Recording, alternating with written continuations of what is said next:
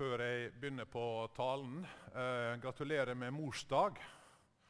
Det er jo eh, ikke sånn som i gamle dager, da morsdag og farsdag var liksom viktige dager. De begynner vel å bli litt sånn gå i glemmeboka. Litt dumt, for det av og til trenger vi å, å løfte opp og være takknemlig for det som kanskje vi har fått med oss fra vår egen mor, og det som mødre gjør og stille opp for hver eneste dag. Jeg fant en liten sak på nettet her om eh, dette med hvordan vi ser på mor. da. Eh, når vi er fire år, så er jo mor den viktigste, den store helten. Min mor kan alt. Åtte år. Mor vet mye. Hun er virkelig klok. Tolvårsalderen så tenker vi mor vet jammen ikke alt. Og når vi er 14, så er det selvsagt hun vet ikke det heller. 16 år mor hun er håpløst gammeldags. 18 år gamla hun er helt utafor. 25 år vel, hun vet kanskje noe om det. 35. Før vi bestemmer oss, la meg høre med mor. 45 år lurer på hva mor ville ha tenkt om dette. 65, det er min alder da. Jeg skulle ønske at jeg kunne snakket med mor om det. Gratulerer med dagen. Håper dere som eh, er mødre eller har mødre, markerer litt denne dagen. Ja, vi hørte en tekst fra Matteus. Jesus tar med seg Peter, Jakob og Johannes opp på et fjell. Og Så kan vi jo lure på hvorfor tar evangelistene med sånne fortellinger? Hva er det de vil når de skriver disse historiene? Matteus, Markus, Lukas, Johannes.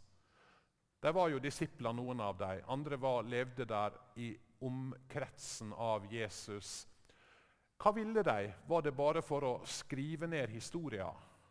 Var det for å lage en biografi var det for å ta vare på gode minner om Jesus? Ja, sjølsagt litt av det også, men de hadde en veldig tydelig hensikt med det de skrev. De ville formidle at Jesus var Guds sønn, Messias, kongen som skulle komme. Johannes skriver helt på slutten av evangeliet sitt om Jesu liv. Og Så sier han at Jesus gjorde også mange andre tegn for øynene på disiplene, tegn som det ikke er skrevet om i denne boken. Men disse er skrevet ned for at dere skal tro at Jesus er Messias, Guds sønn, og for at dere ved troen skal ha liv i hans navn. Jeg har skrevet dette, sier Johannes, for at dere skal tro at Jesus er Messias, den salvede, han som skulle komme han som virkelig er Guds sønn. Noe nytt hadde skjedd, nemlig. Guds rike var kommet iblant dem på en helt ny måte med Jesus Kristus. Og det er gode nyheter. Det er glade nyheter. Ordet evangelium betyr glade nyheter. Det glade budskap. Så når de forteller og skriver om demonutdrivelser, f.eks., så er det jo for å si Jesus er sterkere enn djevelen. Når de skriver om at Jesus stilte stormen, så er det jo for å si Jesus er herre over naturen. Når de forteller om Jesus vekker opp Lasarus eller andre døde, så er det for å si noe om han er sterkere enn døden. Jesus er virkelig Messias. Han er den som skal komme. Han er Gud sjøl kommet til jord. Det er det de vil med det de skriver. Og Det er det Matteus vil si noe om i denne teksten nå. En tekst som vi finner både hos Markus og Lukas, samme fortellinga. En tekst om altså en tur på et fjell der de møter Moses og Elia, der det er ei sky og ei røst fra himmelen, og vi lurer på hva er dette for noe. Hva i verden er det som skjer her? Jeg vet ikke om dere husker fra tidslinja, jeg håper dere husker. Men da israelsfolket drog ut av Egypt, så gikk Gud foran dem som ei skystøtte om dagen og ei ildstøtte om natta. Gud viste seg som ei sky for folket. Og når Gud åpenbarte seg når de kom til Sinai litt lenger inn i historien, og Gud åpenbarte seg, ga dem de ti bud, bl.a. mange andre ting skjedde der, ja, så møtte Gud dem i ei sky. Jeg vet ikke om dere la merke til det når vi var i tidslinja i andre Mosebok. Men før Moses skal få de ti bud, så sier Herren til Moses.: Se, jeg kommer til deg i en tett sky så folket kan høre når jeg snakker med deg. Da vil de stole på deg for alltid. Og Så lurer vi på kanskje hvorfor, hvorfor viser Gud seg i ei sky? Hvorfor kan ikke Gud bare komme og, og prate med Moses og folket?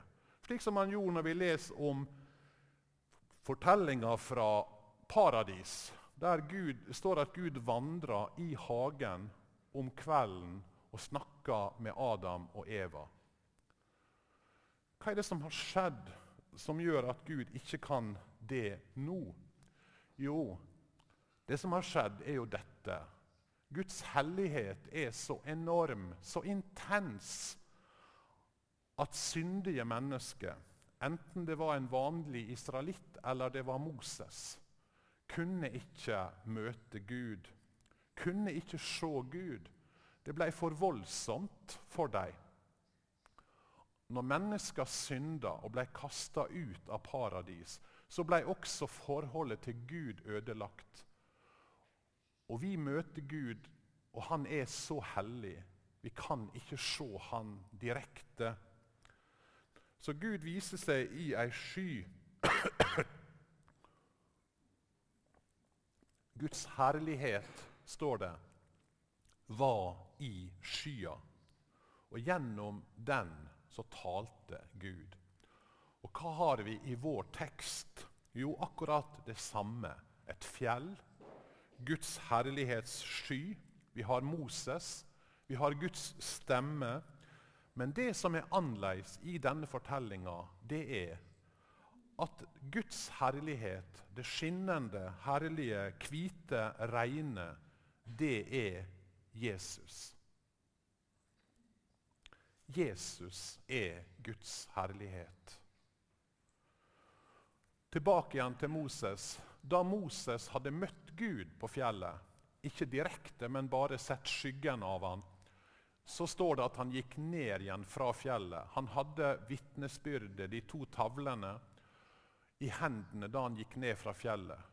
Moses visste ikke at det strålte av ansiktet hans fordi Herren hadde talt med ham. Aron og israelittene så at det strålte av ansiktet hans, og de var redde for å komme nær ham.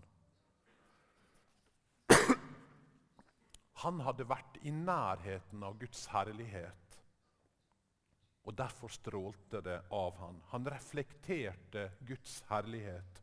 Men det var en refleks, slik månen reflekterer sola sitt lys. I vår tekst derimot så er det Jesus som stråler. Det er han som er Guds herlighet. Det er det evangelistene prøver å skrive om, for at vi skal tro at Jesus er Guds herlighet midt iblant oss. På en måte så er det som om de går opp på dette fjellet, og så blir sløret dratt litt til side et lite øyeblikk. Og så ser vi Jesus sånn som han virkelig er. For hva så folk når de så Jesus? Jo, de så en alminnelig snekker med støvete sandaler og kanskje en skitten kjortel. Og så får vi i et lite glimt dratt sløret til side, og så ser vi den herlige, den reine, den hvite den strålende Jesus, sånn som han virkelig er. Og Det er jo det som er hele Bibelen, Nytestamentet sitt klare budskap, sånn som vi også leser i Hebreabrevet 1, at Gud har på mange måter og mange ganger tidligere talt gjennom profetene, men nå, sier forfatteren, i disse siste dager har han talt til oss gjennom Sønnen. Han har Gud innsatt som arving over alle ting, for ved han skapte han verden. Han, Jesus, er utstrålingen av Guds herlighet og bildet av hans vesen og han bærer alt ved sitt mektige ord. Han er utstrålingen av Guds herlighet. Jesus er ikke, som Moses og Elia, bare en profet. Nei, han er den herlige, hellige Gud. Og så, når vi tenker tilbake igjen til Det gamle testamentet Problemet med Guds hellighet og Guds herlighet det er jo at vi tåler den ikke. Den er for voldsom for oss syndige mennesker. Og Derfor leser vi mange ganger i Det gamle testamentet at når Guds herlighet åpenbarte seg, ja, så var det fare på ferde. Ikke kom for nær, sier Gud, for du vil dø. Ikke rør på paktkista, for den som rører ved den, vil dø. Og Vi de sånn moderne mennesker tenker liksom i alle dager, hva slags gud er dette her? Som dreper folk som kommer for nær han? Hva slags barbariske tanker er dette her? Sånn tenker vi. Dere husker sikkert fortellinga om Jesaja. Eh, vi hadde jo den her i høst, og alle husker vel de preikene jeg holder. Men for de som har glemt det, så var det jo Jesaja som møtte møtte Guds herlighet i tempelet. I et syn i det året kong Usia døde. Og Det er et dramatisk møte. Huset blir fullt av røyk. Å se Guds herlighet, det var skakende. Dørtersklene rista i tempelet. Og Du går ikke fra et sånt møte og tenker å ja, det var jo hyggelig. Det var sånn Gud var, ja. Nei. Jesaja faller til jorda. Han blir slått helt ut. Han sier 'ved meg', det er ute med meg. For han så Guds herlighet. Han møtte Guds herlighet i et glimt. Og Guds herlighet, det ordet sa jeg da, det betyr det som har tyngde. Det som er virkelig, i motsetning til alt som ikke er virkelig. Ordet herlighet betyr tyngde. Det som er substantielt i motsetning til det som ikke har betydning. I sammenligna med alt annet så er Gud den virkelige, den som er den reelle, den som betyr noe. Så et møte med dette, denne tyngden, denne voldsomme virkeligheten, hvordan er det for oss mennesker? Jo, tenk deg at det detter ned et Boeing 737-fly detter ned fra himmelen i hodet på deg hva skjer da? Tyngden til dette flyet er så enormt mye større enn din tyngde. Substansen til dette Boeing-flyet er så mye sterkere enn substansen i kroppen din at du blir knust. Du dør. Du kan like det eller ikke, men det er jo en fysisk lov. På samme måte er det altså med Guds herlighet den er så tung, den er en virkelighet som er så enormt mye større enn din, at i møte med den, i møte med Hans hellighet, i møte med Hans herlighet, ja, så dør vi. På samme måte som fysikkens lover gjelder, så gjelder også lovene i det åndelige, i den verden som Gud har skapt. Det er som om du prøver å se på sola med ditt øye uten å dekke den til. Stirrer du på sola, så er det lyset så enormt at det ødelegger øyet ditt. Du kan like det eller ikke, du kan synes det er urettferdig eller ikke, men det lyset er så enormt at øyet ditt tåler det ikke. I møte med den hellige, herlige Gud så ser du plutselig deg sjøl i et nytt lys. Du ser din egen syndighet i møte med den hellige Gud. Og det er et møte som ikke vi tåler, som ikke vi makter. det å se seg sjøl i et sånt lys, det kan jo av og til være greit. Jeg husker jeg dro til USA et år for å studere når vi hadde bodd noen år i Nord-Norge. Og mens jeg studerte i Oslo på MF, så spilte jeg mye basketball. Og jeg syns eh, faktisk at jeg sjøl var ganske god i basketball. Eh, Iallfall så var jeg en av de bedre av den gjengen på MF som spilte basketball. Så når jeg kom til USA noen år etterpå, så fikk jeg høre at der på college så var det ei gruppe med college-studenter og andre studenter som spilte basketball to ganger i uka. Så jeg tenkte ja, det skal bli kjekt. Her skal jeg liksom uh, hive meg på og få være med. Og jeg spurte, gikk ned på idrettshallen eh, en ettermiddag og spurte er det her dere spiller basket. Ja da, det var en gjeng som holdt på der. Og jeg skifta, og vi skulle til å begynne. Og så oppdaga jeg Oi, dette var noe helt annet. Det var nesten sånn at det ble pinlig. For de, ikke, de spilte ikke på noe college-lag, det var bare sånn alminnelig, men de var så enormt mye bedre enn meg at jeg følte meg helt utafor. Jeg ble med bare én gang på baskettrening det året. For I møte med de som var så gode, så oppdaga jeg litt mer hvor alminnelig jeg var. Jeg var visst ikke særlig god. Og så er det sånn i møte med Gud at du oppdager, som Jesaja gjorde, det er ute med meg. Eller som vi hørte forrige gang, Peter, jeg er fortapt. Vi er syndere som ikke tåler vekta av Guds herlighet. Og så er det jo samtidig sånn da at vi lengter etter Han. Vi lengter etter Gud. Vi lengter etter fellesskap med Han, for vi er jo skapt for å være i fellesskap med Gud. Og Gud lengter etter oss, for han elsker oss med en kjærlighet som er så uendelig stor. Og Derfor sier Gud til israelsfolket i Det gamle testamentet.: Bygg et tabernakel.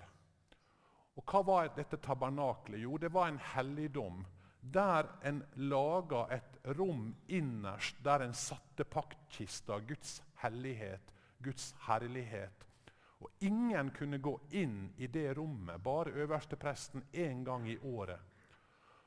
Og tabernaklet, det sa Gud, der skal jeg bo. Jeg vil være nær dere, men jeg vil jo ikke drepe dere. Bygg et tabernakel så hva var tabernaklet på en måte? Jo, en slags beskyttelse mot Gud. Et vern mot Guds hellighet. Et vern mot Guds sky. En lang runde tilbake igjen til fjellet. Og Jeg håper dere ser noe her. Jesus blir forvandla. Vi ser Guds herlighet. Vi ser hans hellighet. Og Peter blir redd. Han sier, 'La oss bygge ei hytte.' En til deg, en til Moses, en til Elias. Vi er på et fjell, og Guds herlighet er her. Vi trenger beskyttelse. Og Enda mer redd blir de når Guds sky viser seg. Hva skjer med dem? De kaster seg til jorda og blir livende redd. De tenker Guds hellighet, det er ute med oss. De skjuler ansiktet, og de er livredde. Men hva er svaret? Hva er evangeliet i denne fortellinga? Jo, det er dette. Da de løftet blikket, så de ingen andre enn han, bare Jesus. Jesus er vårt vern. Jesus er vår beskyttelse. Da Jesus døde på korset, så revna forhenget i tempelet i to. Og adgangen inn til det aller helligste ble åpna. Jesus brakte det endelige offer for våre synder. Så det som skiller oss fra Gud, er tatt bort. Paulus skriver i Efeserane gjennom Han, Jesus, har både vi og dere adgang til Far i én ånd. Og Det er evangeliet om Jesus. at gjennom Han har vi adgang til Far. Jesus er døra, åpninga. Og Jesus snakker flere ganger om seg sjøl, at han er det nye tempelet, det nye tabernaklet. Han er vår beskyttelse mot Guds herlighet. Den som brukte å være dødelig, den kan nå komme inn i våre liv. Og så kan vi være et tempel for Den hellige ånd, for Guds herlighet, for Guds nærhet. Det er det som Jesus kom for å gjøre. Og når vi ser Jesus, at han er Gud, både den hellige, herlige, men også den gode, den kjærlige, han som møter oss med nåde og tilgivelse, da ser vi den sanne Gud. Både den hellige, allmektige og den gode, kjærlige.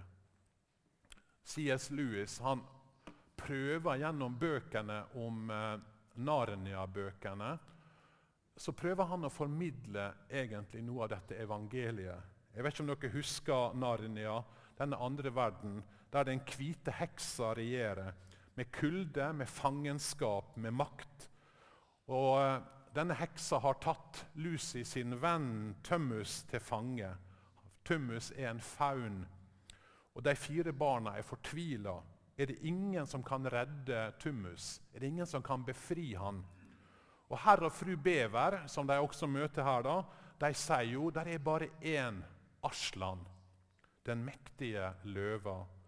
Og Susan hun sier jeg trodde han var et menneske. Er han, er han helt ufarlig? Jeg kommer til å bli ganske nervøs når jeg skal møte ei løve. Det, du, det, vil du sikkert bli, kjære deg, sier fru Bever. Det er ikke noe galt i det. Hvis det er noen som kan tre fram for Aslan uten at knærne skjelver, er de enten modigere enn de fleste, eller så er de bare tåpelige. Da er han ikke ufarlig, da, sa Lucy. Ufarlig? Hører du ikke hva jeg sier? sier herr Bever. Naturligvis er han ikke ufarlig, men han er god. Han er jo kongen, sier jeg.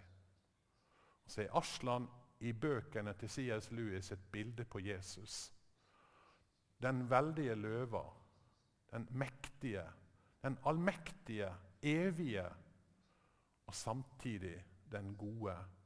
Den som møter oss med nåde og kjærlighet. Som mennesket kunne møte og omfavne, kysse føttene til, gråte sammen med. Jesus møter oss. Han er Gud. Han er hellig, han er herlig, men han er god og nådig. Hva er så vårt svar på dette? Når vi ser på denne fortellinga om Jesus og de tre disiplene på fjellet, så er det første jeg vil si, det er dette at vårt svar må være å lyde Han. Denne røsta, Guds røst i skya, sier om Jesus, 'Dette er min sønn, den elskede. I Han har jeg min glede. Hør Han.' Og Det ordet som er brukt om å høre, kunne like gjerne vært oversatt med å lyde. Hør Han, hør Hans ord.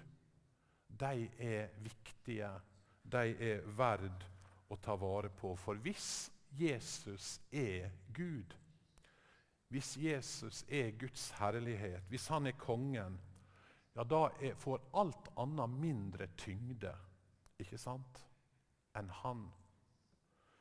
Guds herlighet er så enormt viktig, ja, så mye viktigere enn alt annet, at vårt svar kan ikke være noe annet enn å si vi vil lyde deg, Jesus. Vi vil følge deg.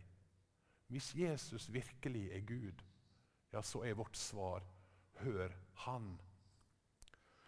Det er en som heter Frank, Frank Koch, som forteller en historie. Han var om bord i et slagskip. og Han forteller at det var to slagskip som holdt trening. Dette her var før radaren sin tid. De holdt trening i et ruskete farvann i flere dager. Og Han sier jeg var i tjeneste på det fremste slagskipet og var på vakt på brua da mørket falt på.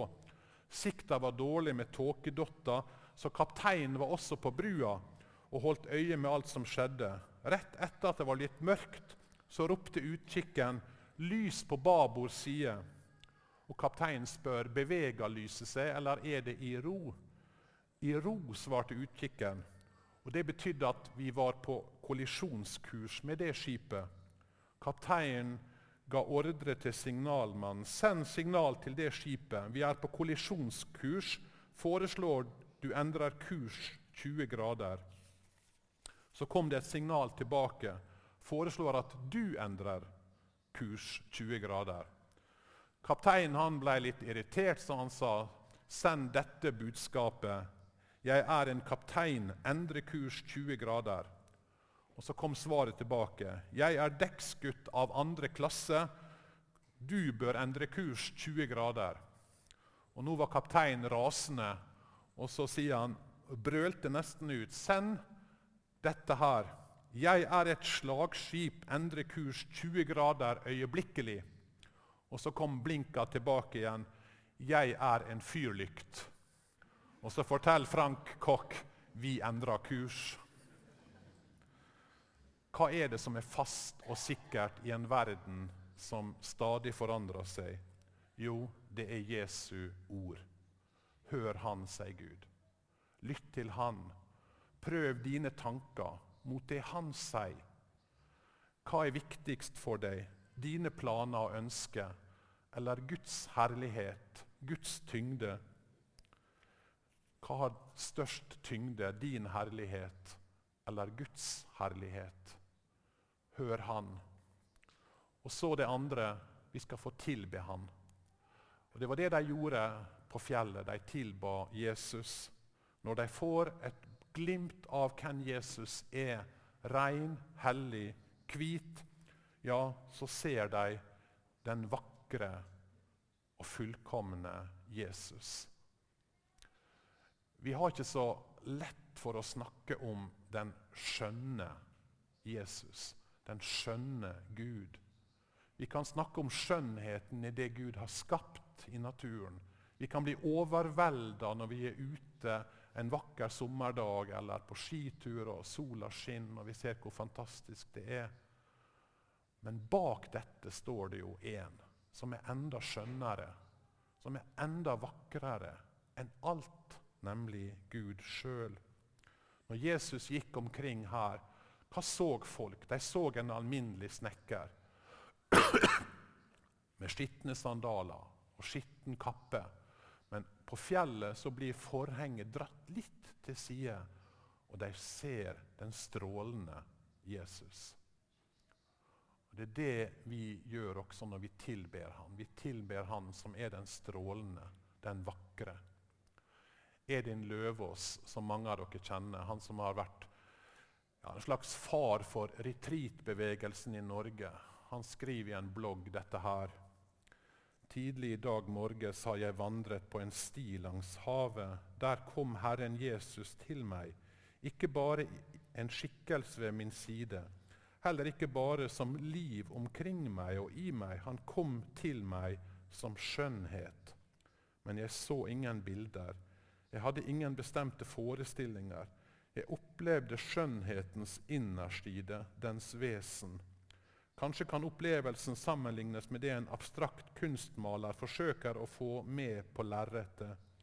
Forkynneren sier at alt har sin faste tid, Alt som skjer under himmelen, har sin tid, og nå er det tid for skjønnhet. Fra mitt hjerte strømmer det frem tilbedelsesord.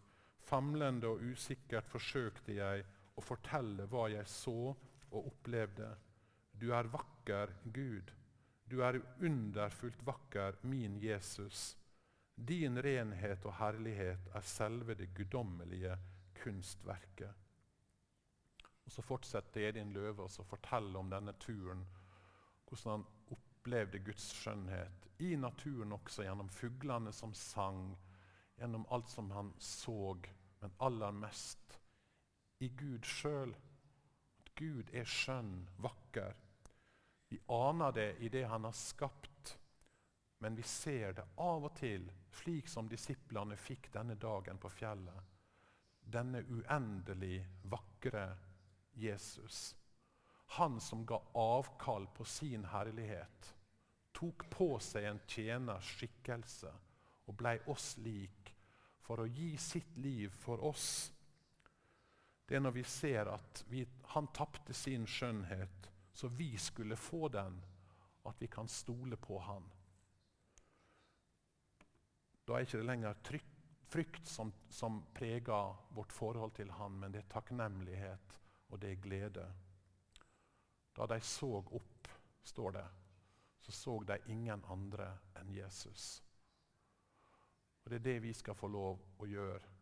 Feste blikket på Han. Han er Gud. Han er Guds herlighet. Og han kom for deg, han kom for meg. For å ta bort all vår synd, den som skiller oss fra Gud. Så vi skal få stå reine og få eie hans skjønnhet. Og Det skal vi få lov å takke han for nå når vi skal lovprise han fortsette gudstjenester med det.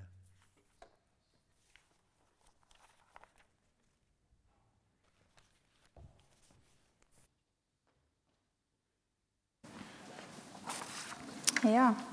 Nå skal vi få litt tid der vi skal bare være oss sjøl, hver en, sammen med Gud. Takk, Jesus, for at vi kan eh, ja, få Den hellige ånd når vi sier ja takk til deg. Etter vi har bedt litt sammen, så skal vi få lovsang. Og da er det satt fram litt område bak der man kan eh, bevege seg litt. Man kan tenne lys, og så sitter forbedere der. Og man kan eh, legge bønneemner i eh, en postkasse. Hvis det er noe man tenker på, så blir det bedt på de bønnemøtene som går på torsdagene framover.